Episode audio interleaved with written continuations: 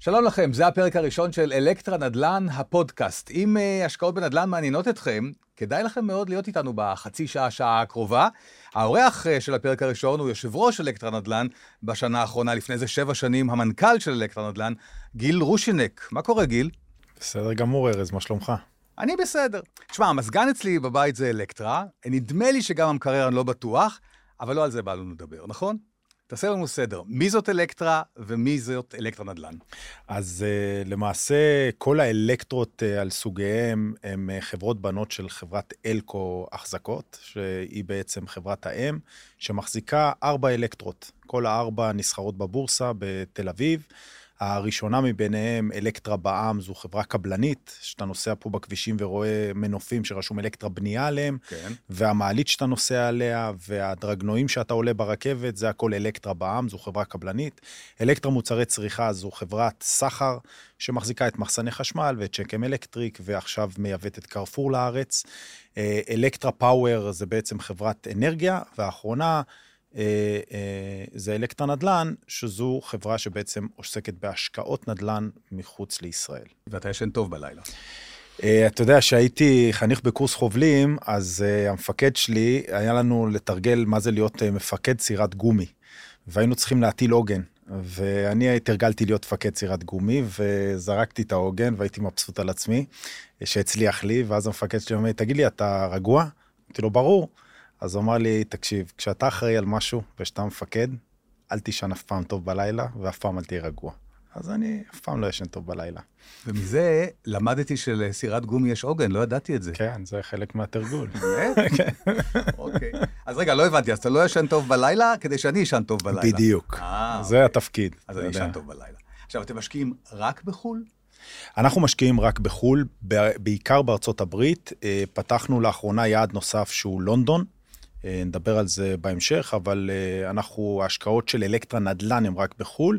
השקעות בישראל דרך אלקטרה מגורים נעשית על ידי חברת אלקטרה בע"מ, שזו החברה האחות שלנו כאמור. כן, אבל אנחנו מדברים על אלקטרה נדל"ן, כי זה, זו החברה שאתה יושב ראש נכון. שלה.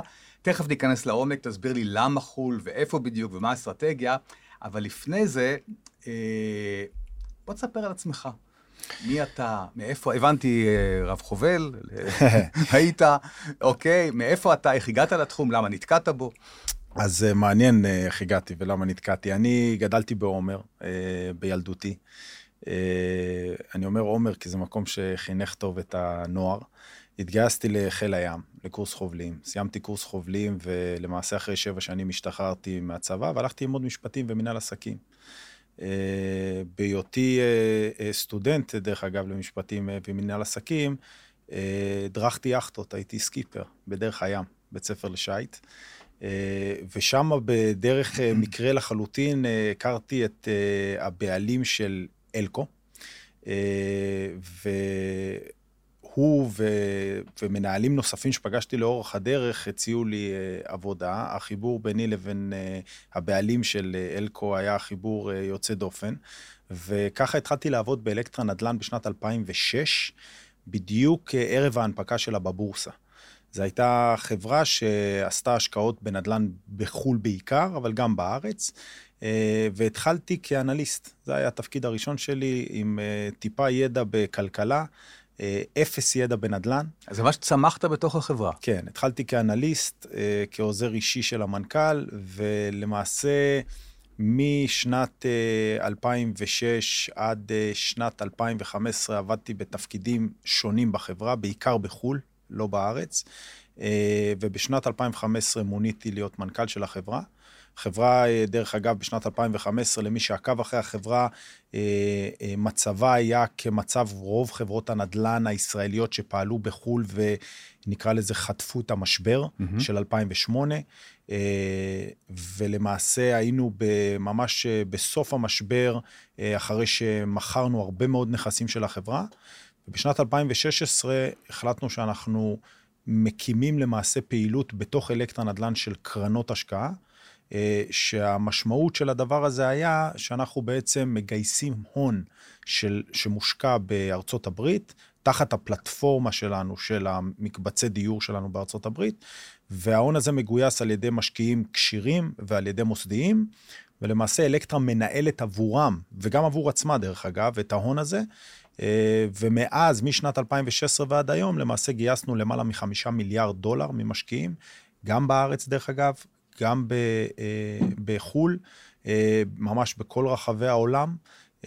והכסף הזה מנוהל, מה שנקרא, מושקע בנדל"ן, על סוגיו השונים. אנחנו התחלנו ב-2016, דרך אגב, בתחום הדירות בלבד, דיור להשכרה. אה, פעילות שירשנו אותה מחברת האם שלנו, רכשנו אותה מחברת האם, והמשכנו לפתח אותה, זו הייתה חברה ש... זאת אומרת, זו פעילות שהייתה אצלנו בקבוצה. ועם השנים התפתחנו והתרחבנו לעולמות של מלונות, לעולמות של משרדים, לעולמות של חוב. ולעוד מספר אה, אה, תחומים שבכולם, בסופו של דבר, משקיע שרוצה להשקיע את כספו בחו"ל, יכול לבוא לאלקטרה נדל"ן, ואנחנו בעצם נהיה השער שלו להשקעות האלה. טוב, תן לי לקחת אותך לה... להתחלה, בסדר? אני עכשיו החלטתי שאני רוצה להשקיע בנדל"ן, אז אני אבדוק איפה האזור הבא שיהפוך לטרנד, יד אליהו, שכונת התקווה, אני אקנה שם דירה, אני אחכה שהמחירים יעלו, וזהו, צודק? תראה, לכאורה אתה לא טועה. Uh, העניין הוא כזה, יש לך מבט מתנשא עכשיו. לא, לא, חס וחלילה. אוקיי.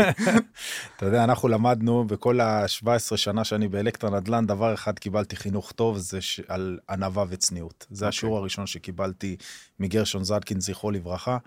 Uh, שהכל מתחיל בענווה ובצניעות, ואני חושב שאנחנו הגענו לאן שהגענו, ועוד נגיע לאן שנגיע אם נשמור על ענווה וצניעות. Uh, ואני אענה לך על השאלה. תראה, אני פעם הסברתי לאיזה קיבוץ שהשקיע אצלנו, שאמר לי, תגיד, למה אני, למה אני בעצם צריך, אה, אני רוצה להשקיע, כמו שאתה אומר, אני אחפש את הטרנד הבא ואשקיע בו, זה היה בדיוק אותו דבר.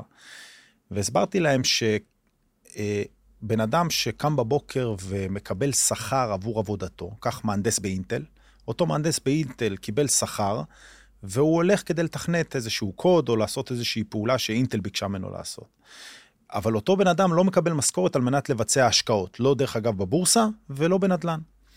אה, דרך אגב, מאותה סיבה פשוטה שאני את אה, כל ההון שלי, של שוק ההון, נתתי לאנשים שהם קמים בבוקר, מקבלים משכורת בצורת דמי ניהול לצורך העניין, והם משקיעים בבורסה. אתה אומר זה מקצוע, זה לא חלטורה. זה מקצוע אה, פר אקסלנס. דרך אגב, המקצוע הזה הוא מקבל ביתר שאת כאשר אתה יוצא לחו"ל. כי שאלת, נתת דוגמה ליד אליהו. וזה לא אומר שלהשקיע ולקנות את הדירה בטרנד הבא ביד אליהו, יכול להיות שתצליח להרוויח כסף. אגב, הנתונים מוכיחים שיש, אה, אה, כשאתה משקיע בחו"ל, התשואות שאתה עושה, על פי ההיסטוריה, הן תשואות אה, גבוהות יותר מאלטרנטיבות אחרות שיהיה לך פה בארץ. אבל, ושוב, אני שם את זה בכוכבית גדולה, זה, זה לא נקודתית לעסקה בודדת. זאת אומרת, אם תביא לי עכשיו עסקה בודדת שקנית איזה משהו וזה עשה לך פי 6, פי 7 על הכסף, יכול להיות שזה יקרה, אבל אנחנו לא מדברים בעסקאות בודדות. טוב, בסדר, אז לא יד אליהו, אז יוון. או, גם קרוב, אז... הרבה ישראלים עכשיו, אה, אתה יודע, זה טרנד כזה בקרב ישראלים, גם קרוב, מזג אוויר אותו דבר, אה, יחסית עוד זול, למה לא יוון? אז ככה, אז תראה, כשאנחנו באים לבחון השקעות, אני מסתכל נגיד עליי באישי, או בכלל על חברה, או, או מישהו שיש לו הון ורוצה אה, אה, להשקיע את ההון שלו ולייצר לעצמו תשואה על ההון. כאשר החלטת לצאת מגבולות המדינה שבה אתה חי, ודרך אגב, זה לא משנה אם אתה בריטי שהחליט להשקיע בארצות הברית, או ישראלי שהחליט להשקיע ביוון או בארצות הברית. אתה צריך לבחון מספר פרמטרים, והפרמטר הראשון, ובראש ובראשונה שצריך לדבר עליו, זה על מה שנקרא הביטחון של המדינה שבה אתה משקיע, או נקרא לזה דירוג האשראי שלה. אני שומע על הרבה מאוד ישראלים שמשקיעים את הכסף שלהם במדינות, ואני לא מתייחס ספציפית עכשיו אם זה יוון או, או, או כל מדינה אחרת, זה לא בקטע אה, אה, של להעביר ביקורת, אבל אחד הדברים שחייבים לבחון אותם, זה ה-covenant או החוזקה הפיננסית של המדינה שבה אתה משקיע. אני אה, קיבלתי לידי השק... אה, הצעה להשקעה במדינה אקזוטית מדהימה, ובתשואות יוצאות דופן, אבל... אבל אתה מגלה שלמדינה אין אפילו דירוג אשראי. כלומר, הסיכוי שבו אתה תשים את הכסף שלך ויום אחד תקבל טלפון ויכול להיות שיגידו לך, הלך הכסף, או המדינה החליטה להלאים את הנכסים בגלל שהיא צריכה כסף, הוא סיכוי שיכול לקרות במדינות אה, שאינן מדורגות לגמרי. אבל יוון היא חלק מהאיחוד. נכון מאוד, יוון היא בהחלט חלק מהאיחוד, ואגב, אני לא חושב שיוון היא, היא, היא לא מקום אה, או יעד השקעה, אני לא מעביר ביקורת על יעדי השקעה. אה, אנחנו משקיעים בארצות הברית, הסיבה שאנחנו משקיעים בארצות הברית זה כי אנחנו, כמו רבים אחרים, מחליטים לשים את הכסף שלהם במדינות שמדורגות דאבל איי ומעלה. זאת אומרת, אנחנו רוצים לראות מדינה אה, כמו ארצות, ארצות הברית ודומיהן, בסדר? כאשר אנחנו יודעים להגיד מספר דברים. אחד, מערכת אה, אה, החוזקה של המדינה הספציפית, זה דבר אחד. הדבר השני, והוא לא פחות חשוב וגם אנשים לא מקפידים עליו, זה יחסי המס בין התושבות שלך, שזה מדינת ישראל, לבין המדינה שהשקעת בה. יש הרבה מאוד מדינות שלא חוסות תחת אמנות מס, לדוגמה, ואז יוצא לך סיטואציה ששמת כסף במדינה, עשית אחלה עסקה, עשית 50 אחוז תשואה, אבל אתה משלם מס במדינת היעד, ואז כשאתה מגיע למדינת ישראל, מדינת ישראל אומרת, שמע, אני לא מכירה ברווחים שעשית שם, אני רואה את כל הרווחים שהרווחת כאילו הרווחת אותם בארץ, ואתה בעצם נמצא במה שמכונה דאבל טקסיישן או מס כפול. והדבר השלישי שהוא לא פחות חשוב, ואנשים גם אליו לא, לא שמים את האצבע עד הסוף, זה הסיפור הרגול, של הרגולציה בתוך המדינה. כל מדינה, הנה אנחנו נמצאים פה בעניין של אה, שינויים בחקיקות לדוגמה, mm-hmm. צריך להבין ולהפנים את הרגולציה. לדוגמה, ישנן מדינות שיש מס עיזבון. ואנשים משקיעים במדינות האלה ולא מודעים לחשיפה הזאת. לדוגמה, יש מדינות שאנחנו, אה, שאתה יכול להשקיע בהן, ופתאום המדינה מחליטה לשנות את החקיקה לגבי הנדלן במדינה, או אה, אה, לגבי היכולת שלך להוציא כסף ממדינה. אתה יכול להשקיע במספר מדינות שאני מכיר באופן אישי, שהעבירו שם חקיקה לפני מספר שנים, שאתה לא יכול להוציא את הכסף. זאת אומרת, אתה יכול להכניס את הכסף, להשקיע, אבל אתה לא יכול להוציא אותו החוצה. אפשר להוציא אותו, אבל בהרבה דרכים של סטרקצ'רים, uh, מיסויים, מבנים מיסויים מורכבים. למה אני אספר לך את שלושת הנקודות האלה של רגולציה, של מיסוי ושל uh, חוזקת המדינה? להפחיד אותי. הוא לא בדרכי הפחדה, כמו להגיד לך שאם כן החלטת לקחת את הדולר שלך, שעבדת עליו מאוד קשה, ושילמת עליו כבר מיסים, והחלטת לשלוח אותו מעבר לים, בסדר? שדרך אגב, זו החלטה שהיא החלטה כלכלית של בן אדם. כן. ואפילו התייעצת עם יועצים ואמרו לך, תוציא את הכסף שלך. דרך אגב, אה, מה שנקרא, לא קשור לכל מה שקורה כרגע במדינה. הרי אה, חברות הוציאו, הנה, אלקטרה גייסה חמישה מיליארד דולר, אה, שרובו הגיע פה מישראל משנת 2016, וגם המוסדיים וגם הפרטיים שמושקעים אצלנו שולחים את הכסף שלהם אל מעבר לים. פשוט פיזור. פיזור. והפיזור הזה הוא פיזור נכון, הוא לא, הוא לא לא נכון, אבל חשיפת המטבע הוא דבר שצריך לקחת אותו בחשבון. אנחנו מדברים על יוון, מה יקרה אם, ואני רק אומר אם, אחת ממדינות האיחוד האירופי ייפלטו או יחליטו להיפלט מהאיחוד האירופי. אתה יכול למצוא את עצמך פתאום עם מטבע מקומי. שאין עליו שער חליפין בכלל, אל מול השקל, או אם יש, הוא כזה שאתה לא רוצה להחזיק בו. אז הדברים האלה גם יכולים לקרות. אנחנו מאוד מאמינים במטבע האמריקאי, בדולר, אה, וב, ובלירה הסטרלינג, ובגלל זה, דרך אגב, אלקטרה קיבלה החלטה שהכסף שלה יושקע בארצות הברית ויושקע בלונדון.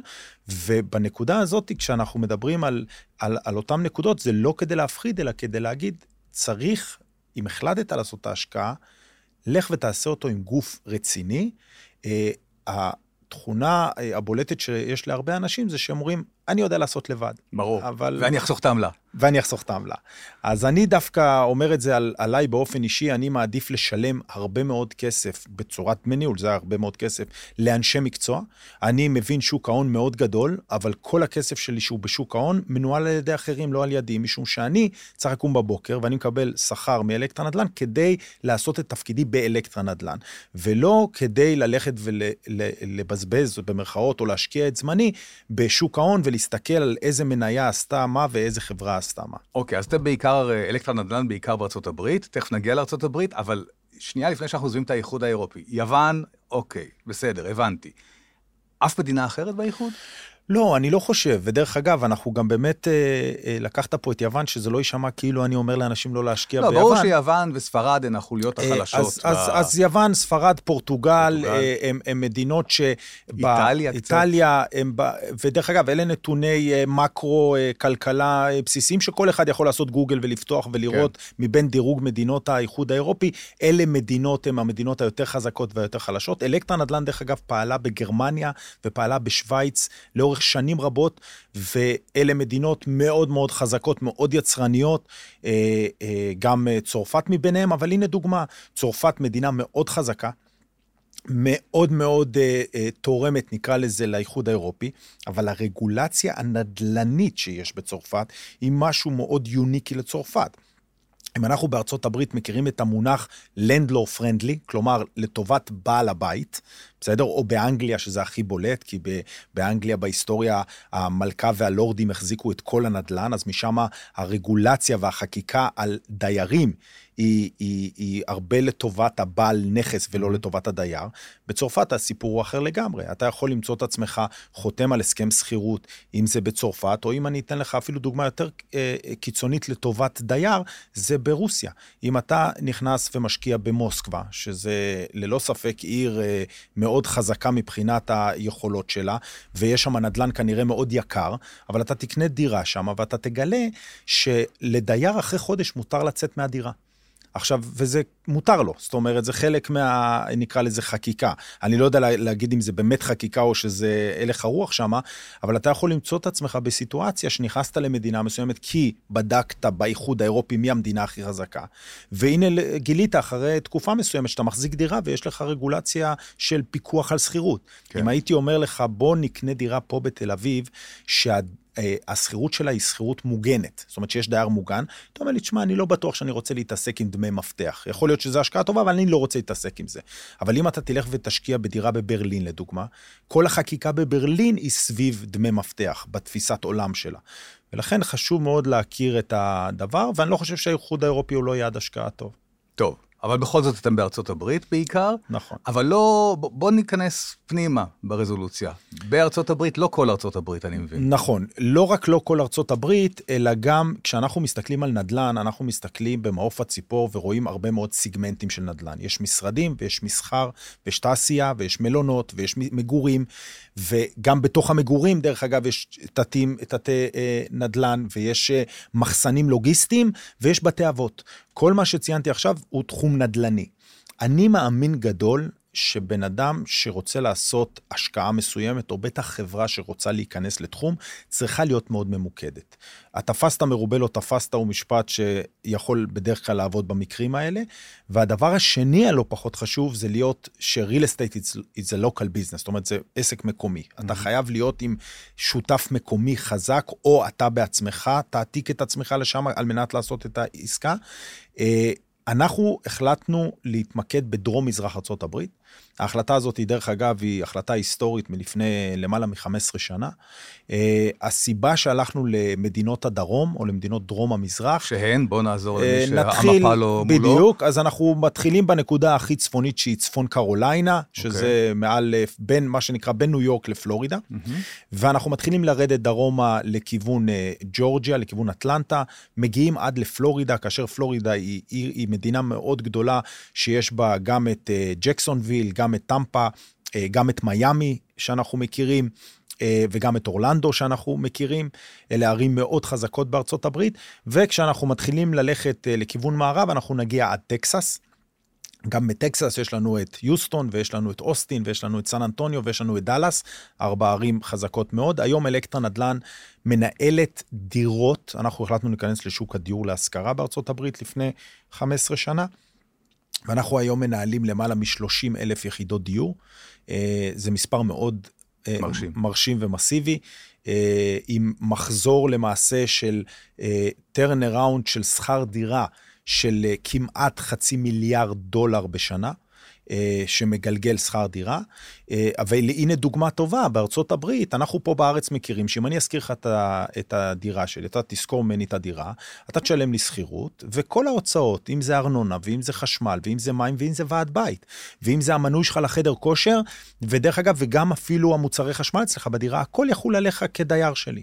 בארצות הברית העסק עובד בדיוק הפוך. בארצות הברית הבעלים של הדירה מקבל ממך את השכר דירה, בסדר? אבל כל ההוצאות חלות על הבעלים, עד לרמה שאני צריך לספק לך את המיקרוגל ואת המקרר.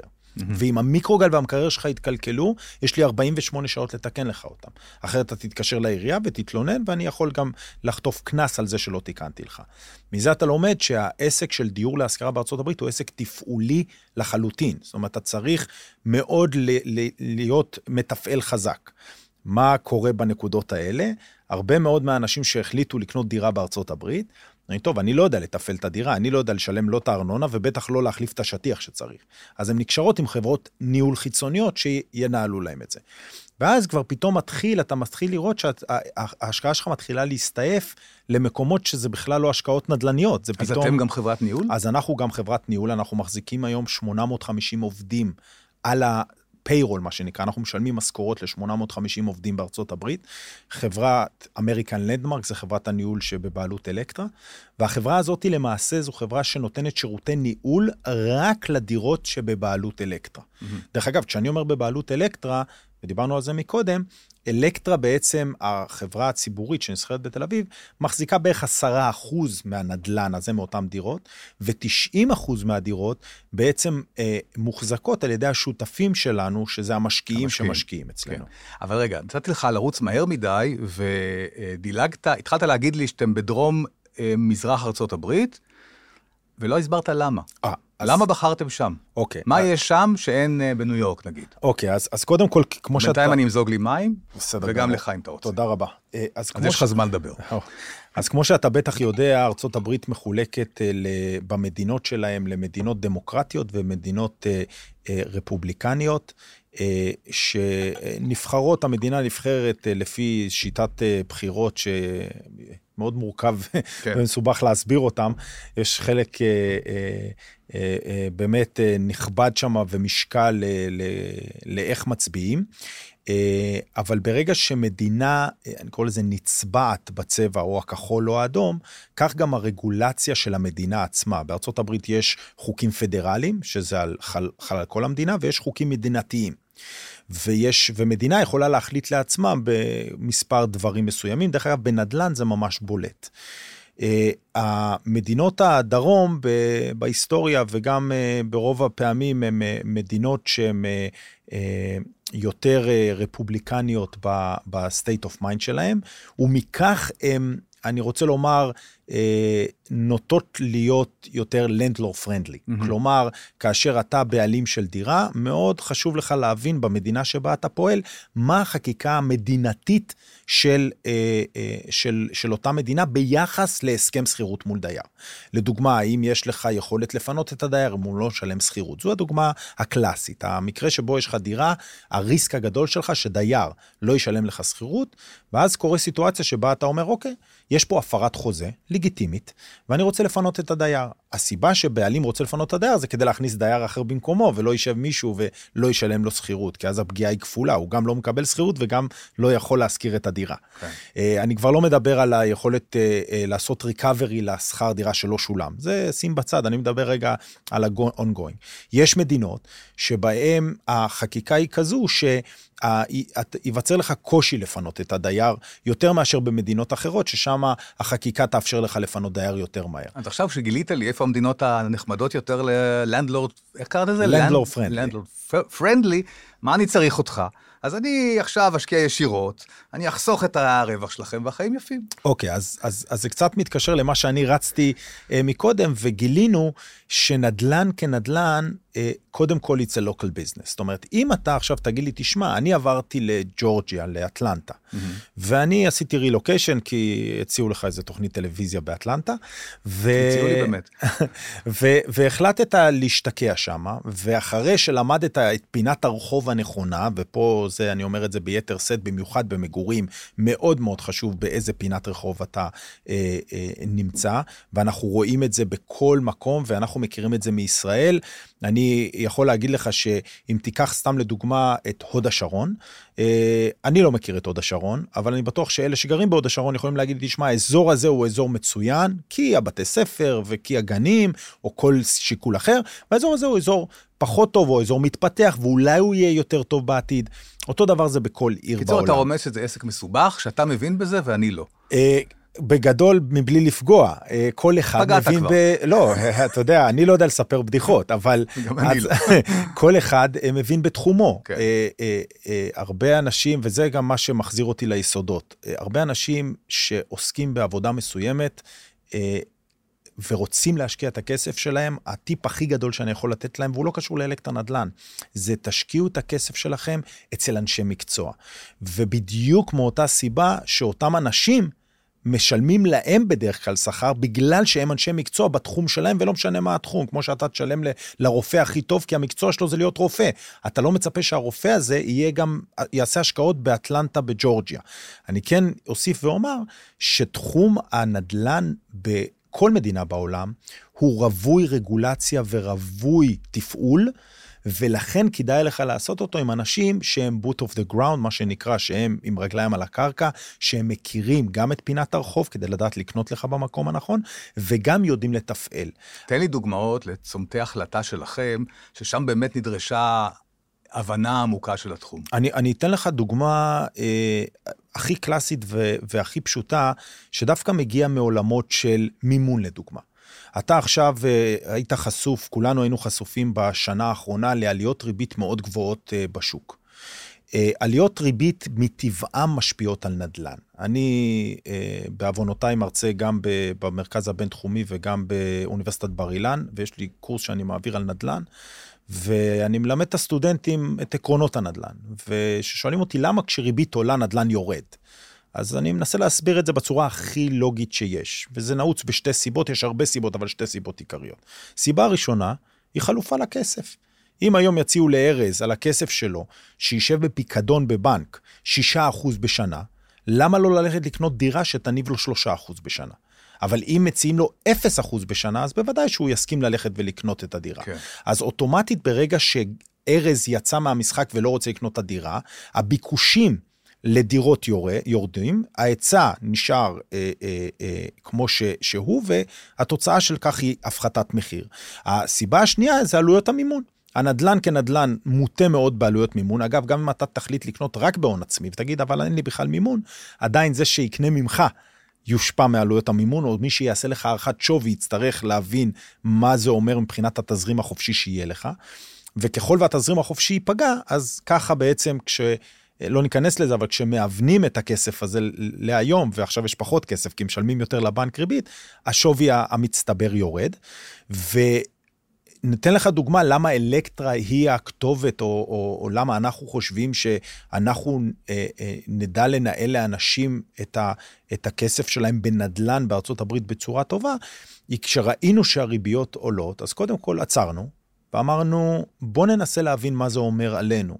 האם אנחנו צריכים עכשיו להחליף חובות שעוד רגע מגיעות לפירעון? אולי נקדים את ההחלפה שלהם היום, לפני שהריבית תעלה, ואכן באמת הצלחנו לתפוס תקופה שהריבית עדיין לא עלתה עד לגמרי, ו...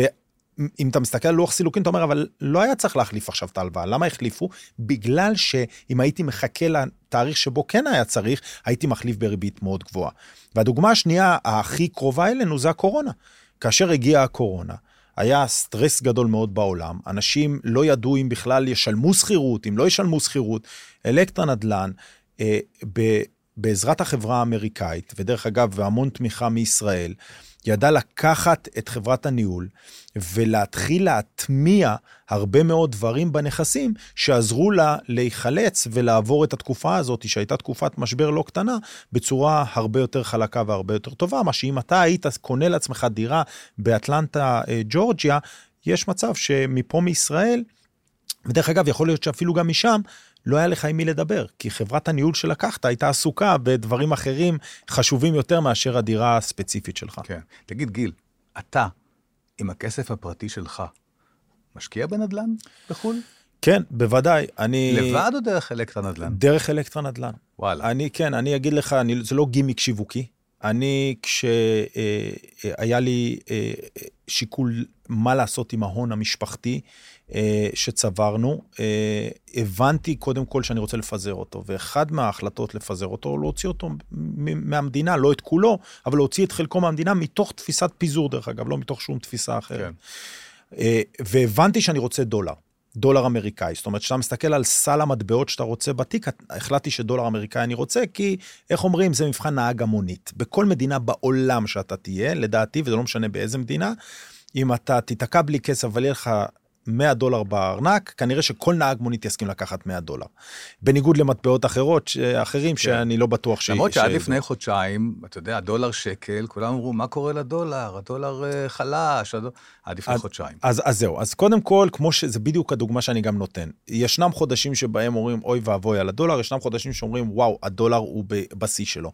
אני, כשאני מסתכל על הון משפחתי, שצריך חלקו לעבור לחו"ל, נגיד למטבע דולרי, באותו הרגע שבו המשפחה או החברה החליטה להסב חלק מהכסף משקל לדולר, זה הרגע שבו היא מתנתקת ממה שנקרא שער דולר, אה, דולר אה, אה, שקל, ולכן גם צריך לדעת שהכסף שאני לדוגמה העברתי לדולר, הוא יישאר בדולר כל חייו. זאת אומרת, אני לא אתכוון, אה, או אני מקווה לפחות, שאני לא אצטרך לה, להמיר אותו לשקלים, וככה צריך להסתכל על זה. וכשהחלטתי לקבל החלטה שאני רוצה להשקיע בחו"ל, אז אמרתי, אוקיי, אה, באיזה סיגמנט אני רוצה להשקיע של נדל"ן? ואמרתי, אני רוצה להשקיע בדיור להשכרה. למה? כי דיור להשכרה היום מבין כל הסיגמנטים מוכיח את עצמו שנה אחרי שנה כסיגמנט מאוד יציב.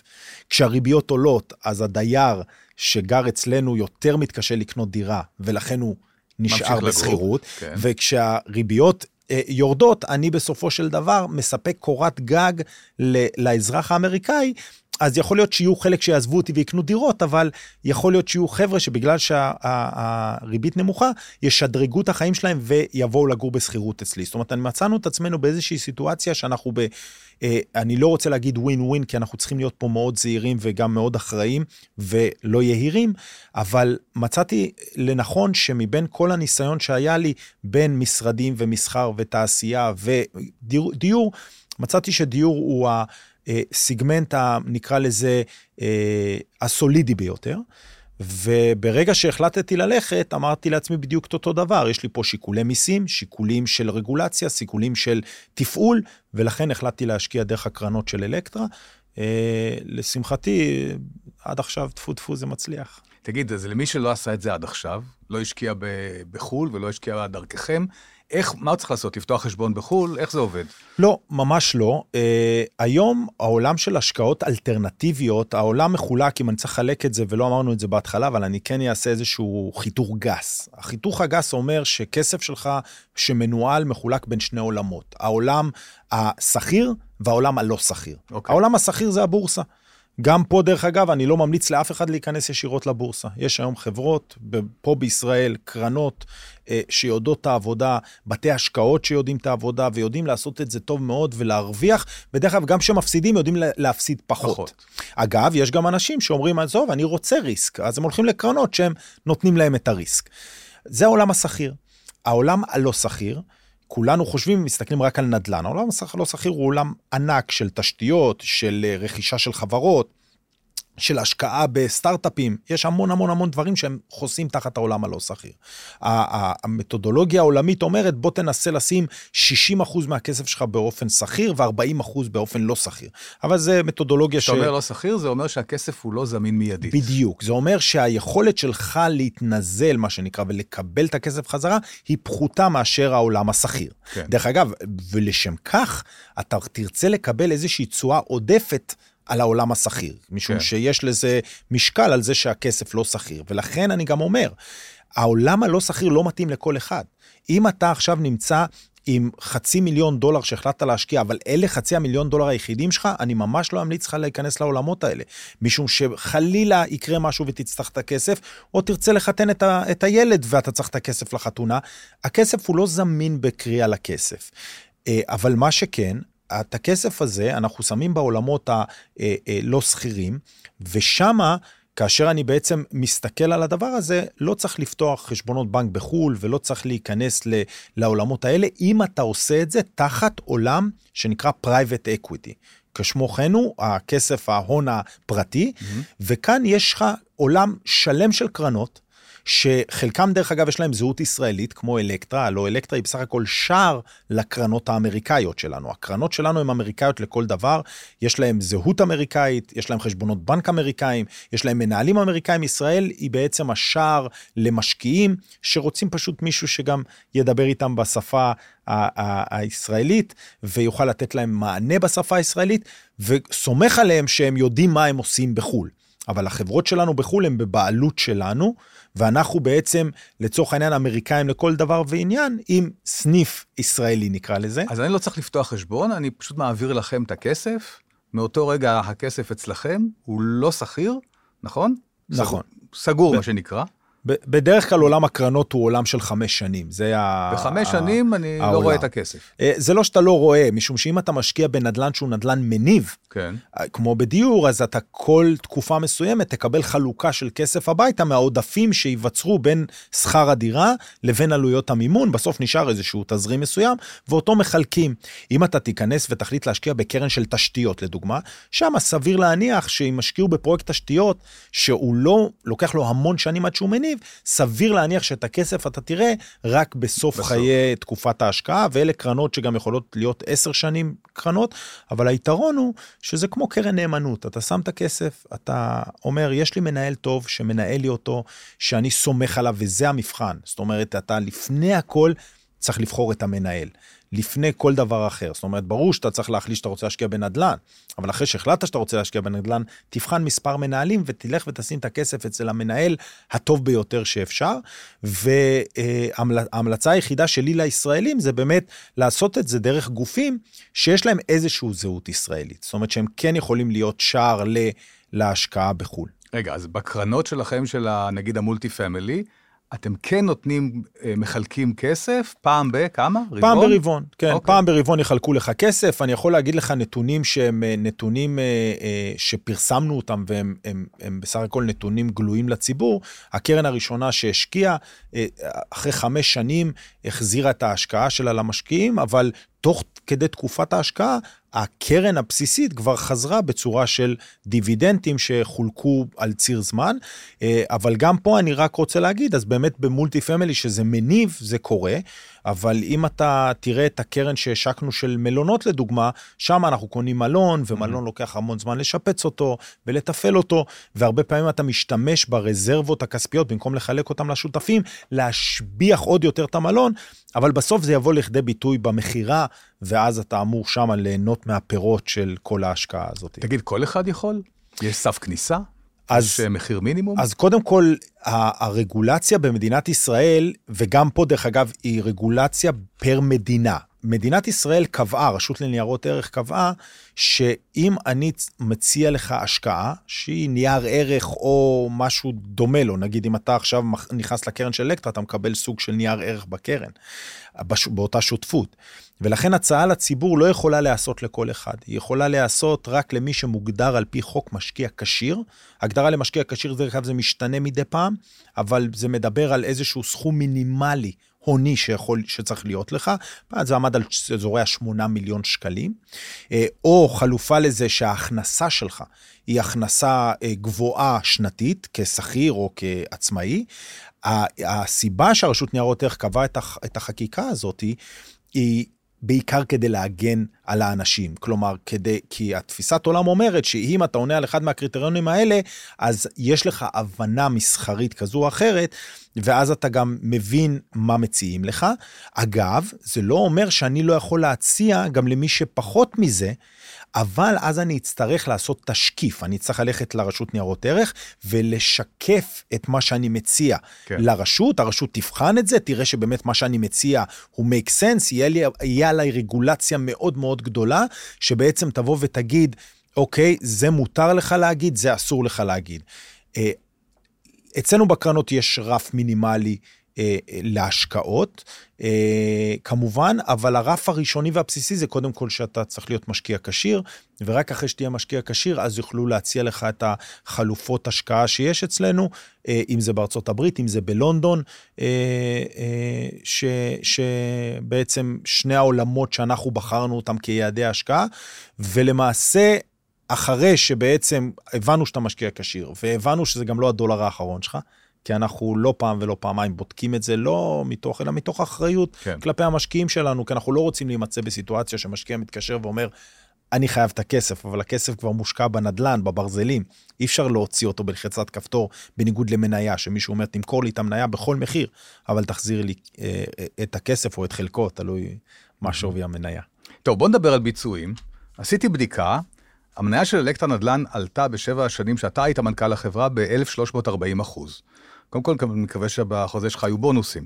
אבל אה, מה עשה מי שעשה, מה, מה, מה עשה מי שהשקיע בקרנות המולטי פמילי שלכם? אז, אז השאלה שלך היא, היא, היא מצוינת כדי להוות את הדוגמה של uh, הרבה פעמים בן אדם, אני כל הזמן אומר, אם תסתכלו עשר שנים אחורה בכל נקודת זמן, והייתם שמים שקל בתל אביב 125, או קונים דירה, תל אביב 125 היה עושה יותר טוב.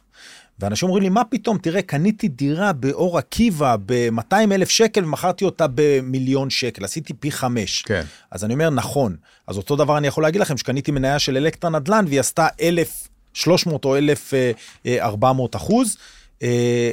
ופה אני רוצה להתייחס לשתי נקודות בקצרה. הנקודה הראשונה, אנחנו לא מדברים אף פעם על מניה בודדת או על דירה בודדת, אנחנו מדברים על תיק. Mm-hmm. כשאתה משקיע בקרנות של אלקטרה, אתה מקבל חשיפה לסדרי גודל שבין 10,000 ל-15,000 דירות בקרן. זאת אומרת, זה סכום ענק של, או כמות ענקית של דירות. הפיזור הוא עצום, יש יתרון ענק לפיזור, משום שהסיכון יורד. אגב, אחד הדברים שאני כל הזמן אומר אותם לאנשים, חברים, תזכרו משפט אחד וזה יעזור לכם בעולם ההשקעות. תשואה משקפת סיכון. אם מישהו בא ומציע לכם, כשהריבית בבנק אפס, מציע לכם עשרה אחוז על הכסף, תזכרו רק דבר אחד, זה יותר מסוכן מהבנק. כן. אז הרבה אנשים אומרים, בואנה, הפסדתי את הכסף שלי, אתה אומר להם, במה השקעת? מראים לך במה השקעת, הציעו להם 30-40 אחוז על הכסף, ואז אתה מגלה שאין ארוחות חינם. למה אני אומר תשואה משקפת סיכון? משום שכשאתה משקיע בקרן מפוזרת, או בתל אביב 125, אתה פזור על הרבה מאוד השקעות, הסיכון שלך יורד, ובכך באופן אוטומטי התשואה אל מול מניה בודדת אמור להיות נמוך. אם תסתכל על המניה של אלקטרה נדל"ן, המניה, כשאני קיבלתי את החברה, הייתה שווה 150 מיליון שקל. ואחרי שבע שנים המניה הגיעה לארבעה מיליארד. לכאורה אתה אומר בואנה זה קפיצה שאם מישהו היה שם את הכסף במניה היה עושה לו הרבה יותר לא משנה מה מכל סוג של השקעה יכול להיות שגם מסטארט-אפ. כן. הנה הגיעה השנה האחרונה והמניה ירדה מארבעה מיליארד לשני מיליארד שקל שווי. זאת אומרת היה פה חיתוך של 50 אחוז בשווי. בעוד שבתקופה הזאתי כאשר אתה מסתכל על הביצועים של הקרנות שלנו אתה רואה ביצועים מאוד אה, אה, סולידיים וטובים. זאת אומרת, אתה לא רואה. למה? משום ששוק ההון כשוק ההון, השוק השכיר, הוא שוק מאוד תנודתי בתפיסת עולם שלו. מה שאתה רואה היום, מבלי להיכנס לעולם ההשקעות, זה בעיקר מכירה של מניות ללא שיקול דעת. אחת הבעיות הגדולות בעולמות שוקי ההון, במיוחד בבורסות שהן בורסות עם לא הרבה שכירות, כמו, כמו ארצות הברית, אה, אה, הרבה מאוד מהמכירה שנעשית במהלך היום היא נעשית ללא שיקול דעת. ארז החליט שיש לו איזה קרן השתלמות, משהו לא נראה לו באווירה, או אפילו כן נראה לו באווירה, אבל הוא צריך את הכסף הזה שתקוע לו בקרן השתלמות, הוא מרים טלפון לבנק ואומר להם, תמכרו לי בבקשה את הקרן השתלמות, אני רוצה את הכסף שלי. מה עושה בית ההשקעות שמנהל לך את קרן ההשתלמות? פשוט לוקח את כל הסחורה של הקרן השתלמות שלך ומוכר אותה. לא קשור ל... עם המניה שאתה רגע מכרת ואלקטרה נדל"ן בתוכה, כי הוא חלק מהמדדים, היא מניה טובה או לא טובה. הוא לא בוחר סלקטיבית ואומר, תמכרו לי את הקרן השתלמות, אבל את אלקטרה נדל"ן תשאירו לי. זה לא עובד ככה. Mm-hmm. ואז כתוצאה מכך, שווקים או בורסות יכולות לרדת, כמו מה שקרה לנו ב, אה, אה, במניה, ב, ולא רק לנו דרך אגב, אבל במניה בשנה החולפת. דרך אגב, זה קצת עוד הפעם מתקשר לעליית ריבית. ריבית עולה, כן. יש לך אלטרנטיבה לכסף בצורה מאוד בטוחה כמו בנק, למה לך לחפש הרפתקאות במקומות אחרים? ולכן מה שרציתי להגיד זה שיכול להיות סיטואציה שהשקעת בשוק הלא שכיר, והוא ימשיך לטפס ולטפס ולטפס, ודרך אגב, יכול להיות שהוא גם ירד קצת, אבל הוא כל כך ארוך בשנים, שבסופו של דבר אתה צריך לבדוק את זה במבחן התוצאה. לעומת זאת, מניה היא יכולה לעלות מאוד, ואתה תמחא כפיים, אבל הקטע החשוב במניה זה שאתה צריך לדעת מתי לצאת. ברור. ואם לא יצאת, אז אתה יכול גם uh, להיחתך. אז בוא נדבר על מה יהיה. אנחנו כאמור כרגע במרץ 2023, אני יודע שאתם לא יכולים, אתם חברה ציבורית, לא, אתה לא יכול לתת uh, תחזיות שלך קדימה uh, בתחום שאתה עוסק בו, אבל בוא נדבר יותר על המקרו. יש מחקרים של אנשי מקצוע, יש תחזיות, מה אומרים, לאן הולכים?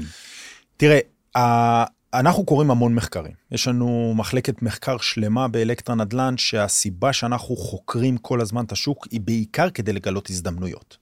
זאת אומרת, אנחנו בתפיסת עולם שלנו רוצים בכל מצב שוק, גם אם זה שוק עולה וגם אם זה שוק יורד, וגם קטסטרופה וגם כשיורד גשם, לחפש רק דבר אחד מבין העננים ומבין הגשם, הזדמנות.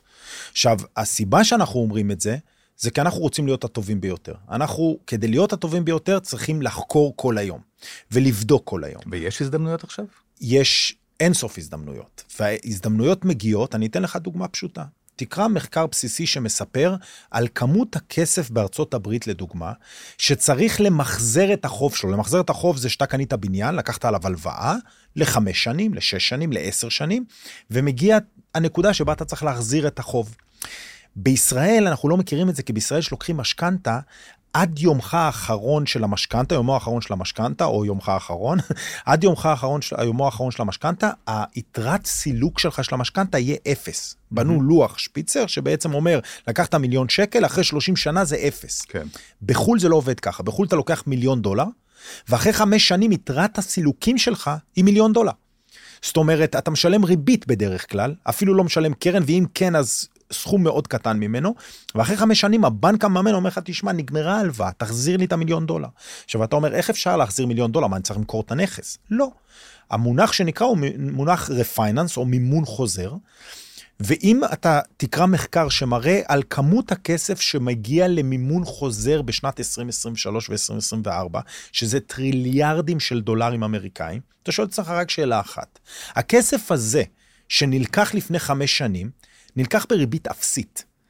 אם אני היום מחזיק מלון, או משרדים, או מגורים, ויש לי הלוואה של X, ואני אחרי חמש שנים, שזה היום, צריך לפרוע אותה, אבל הריבית הייתה אפס והיום הריבית היא חמישה או שישה אחוז, ברור לך שאני בבעיה. עכשיו, אם אני בן אדם מאוד עשיר עם כיסים עמוקים, אז אין בעיה, אז uh, אני חייב לבנק 100, אה, אז הבנק עכשיו, בגלל שהריבית עלתה, הוא יהיה מוכן לממן לי רק 70, כי מה לעשות, בסופו של דבר, הנכס נותן תשואה מסוימת, mm-hmm. אתה לא יכול לקחת חוב יותר מכמה שהשכר דירה נותן. ולכן מה שהבנק יעשה כשהריבית עולה, הוא ייתן לך פחות חוב פשוט. זאת אומרת, אם פעם שילמת 1% על 100, כדי לשלם את אותו סכום, אז על 6% אז הוא ייתן לך 50 עכשיו, לא 100. כדי שזה יישאר אותו החזר חודשי. אבל מישהו צריך להביא 50 נוספים לבנק להחזיר. התופעה הזאת בעיניים שלנו תגרור הרבה מאוד שחקני נדל"ן, הרבה מאוד, למכור נכסים. ולהגיע לסיטואציה שהם יגידו, אני לא רוצה להגיע למחזור חוב. דרך אגב, אני בהיסטוריה שלי באלקטרה נדל"ן זוכר תקופות שעבדנו בגרמניה ועבדנו בשוויץ, שהייתי צריך למחזר חוב. הבנתי שאולי יהיה לי קושי למחזר את החוב, ואז אמרתי, בוא נמכור את הנכס. דרך אגב, לא, לא בהפסד, אני לא הפסדתי כסף. אבל בוא נגיד שאם הייתי משאיר אותו וממשיך לעבוד איתו, אולי הייתי מרוויח יותר. זאתי הנקודה, נקודת מחזור החוב היא הנקודת עקב אכילס של שחקני נדל"ן. ואז ירדו מחירים. ואז יתחילו לרדת מחירים. איפה אנחנו רואים את זה בצורה מובהקת? קח את השוק של המשרדים בלונדון, וזה הנה דוגמה טובה שאלקטרה הבינה שהיא עד סוף 2022 לא נכנסה ללונדון, ואנחנו כל הזמן בדקנו וראינו ובחרנו. למה? כי החלטנו שהמחירים לא לטעמנו, שהמחירים הם גבוהים. דרך אגב, אתה אף פעם לא יודע אם הם בשיא, אבל אתה יודע שהם גבוהים. והנה זה הוכיח את עצמו שב-2023 אנחנו מגיעים לפתחה של שנה בלונדון, שאנחנו טוענים, ואנחנו רואים את זה גם בפועל, שיהיו הזדמנויות בשוק המשרדים לדוגמה, משום שאנשים יתקשו לממן עסקאות, ובגלל הריבית הגבוהה. ואז הדבר הזה יגרום לזה שבן אדם יגיד, אוקיי, אני מוכר, וכשהוא יבוא למכור, אז גם בנקודה הזאת לא יהיו שם השחקנים שהיו שם לפני שנתיים. כי כשלפני שנתיים שהריבית הייתה אפס, גם גיל וארז יכלו לקנות בניין משרדים בלונדון, כי זה חוב היה אפס.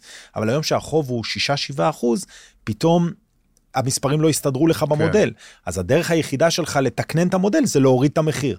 ופתאום בן אדם שבא למכור את המלון או את המשרדים או את המגורים בכל מקום בעולם, ימצא את עצמו שאין לו את כמות הקונים שהיו לו פעם. ואז הוא יהיה חייב להתחיל להוריד מחירים. אז אנחנו חוקרים כל הזמן, מסתכלים כל הזמן. אם תשאל מה יהיה, אה, אתה יודע, אני בן אדם אופטימי, אז אני אגיד, אני אגיד לך שיהיה טוב, אבל בינתיים הנגידים בבנקים העולמיים מודיעים שהם ימשיכו להעלות ריבית, זה לפחות ההודעה שלהם, אני לא יודע מה יקרה בפועל.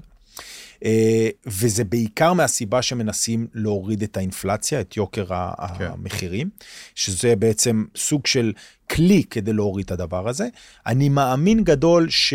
ככל והריבית תמשיך לטפס, מחירי הנדל"ן בסופו של דבר ייצרו הזדמנויות, אבל תלוי באיזה תחום. באמת אני אומר תלוי באיזה תחום, כי אם היית שואל אותי על מה יקרה לשוק מאוד ספציפי, בעיר מאוד ספציפית, בסיגמנט מאוד ספציפי, יכול להיות שבכלל שם המחירים דווקא יעלו, כי זה עניין של ביקוש והיצע, ויש שם חוסר עצום של שטחי משרדים או מגורים או מסחר, ולכן המחירים ימשיכו לעלות. תגיד, גיל, לסיום, אתה היית מנכ"ל אלקטרה נדל"ן שבע שנים, העסק עבד יפה. לפני שנה, כאמור, נהיית יושב ראש. למה? תראה... בחז"ל יש משפט יפה, If it ain't broken, don't fix it.